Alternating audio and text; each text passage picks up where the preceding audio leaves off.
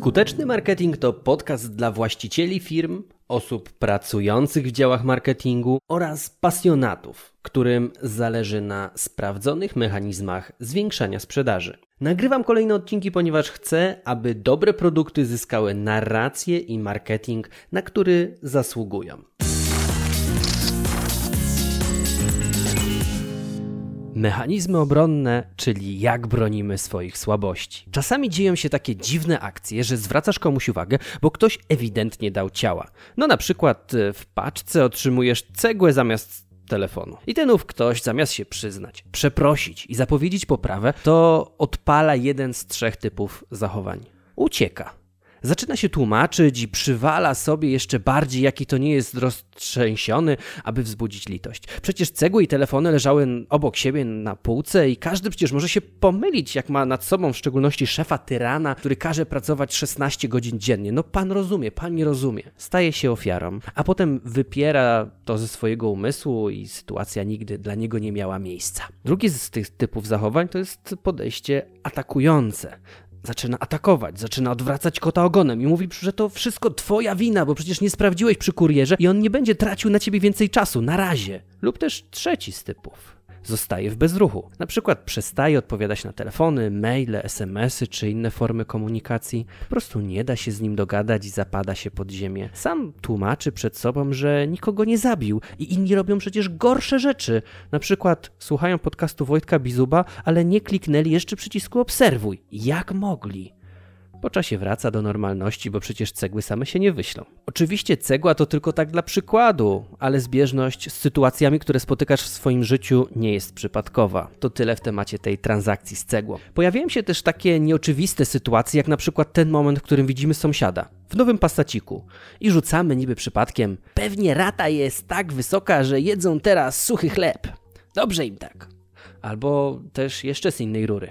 Skubany kupił nowe, ta, stać go na samochód, a zarabia ponoć trzy tysiące na rękę. Ładnie tam musiał nakraść. Taka reakcja to resentyment, czyli poszukiwanie wymówki, czy też dopisanie jakiejś ciemnej intencji, gdy ktoś osiąga niedostępną dla nas rzecz. Pojęcie resentymentu jest ilustrowane znaną bajką Ezopa o lisie i kwaśnych winogronach. Lis, który nie zdołał dosięgnąć winogron, odchodzi mówiąc, że i tak były kwaśne. Kompensujemy w ten sposób zazdrość, a czasami własne lenistwo. W skrócie chodzi o usprawiedliwienie własnych niemocy i ograniczeń. Kolejny z przykładów. Przerzucanie odpowiedzialności na innych to również popularne zachowanie, które tylko w teorii jest próbą sprawiedliwego dojścia do prawdy. Pozwolę sobie tutaj na małą anegdotę. Jakiś czas temu w moje ręce trafiła książka Ekstremalne przywództwo napisana przez Jocko Willinka, która odnosi się do taktyk stosowanych przez Navy SEALs. To taka jednostka komandosu. I według podejścia autora nie ma czegoś takiego jak przerzucanie odpowiedzialności. Finał finałów to my odpowiadamy za wszystko.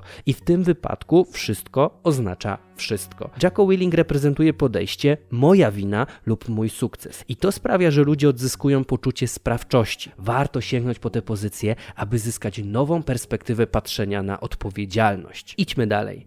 Innym z mechanizmów obronnych jest prokrastynacja, czyli zjawisko odkładania ważnych zadań w czasie, aby w ramach braku czasu zająć się oglądaniem seriali lub odkurzaniem dywanu u siebie i u sąsiadów w promieniu całej dzielnicy.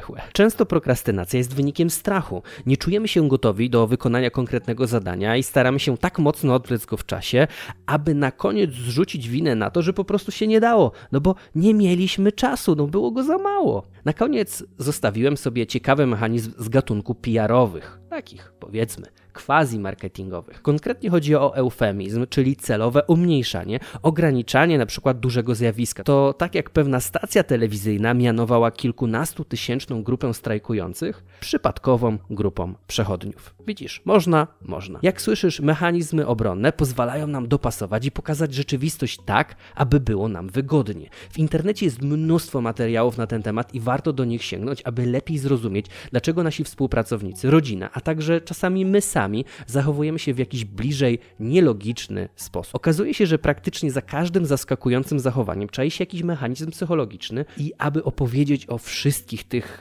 wariantach i wersjach i różnych mechanizmach, to musiałbym wydłużyć odcinki podcastu. A wtedy kto wytrzymałby ze mną tyle czasu? Liczę na to, że po wysłuchaniu tego odcinka rozszerzy się Twój sposób patrzenia na marketing oraz zachowania ludzi. Tymczasem słuchaj, wdrażaj i zarabiaj. Ja trzymam za ciebie kciuki. Aha, jeżeli lubisz odcinki, które łączą psychologię z marketingiem, to daj znać na Instagram Stories. Ja tam będę.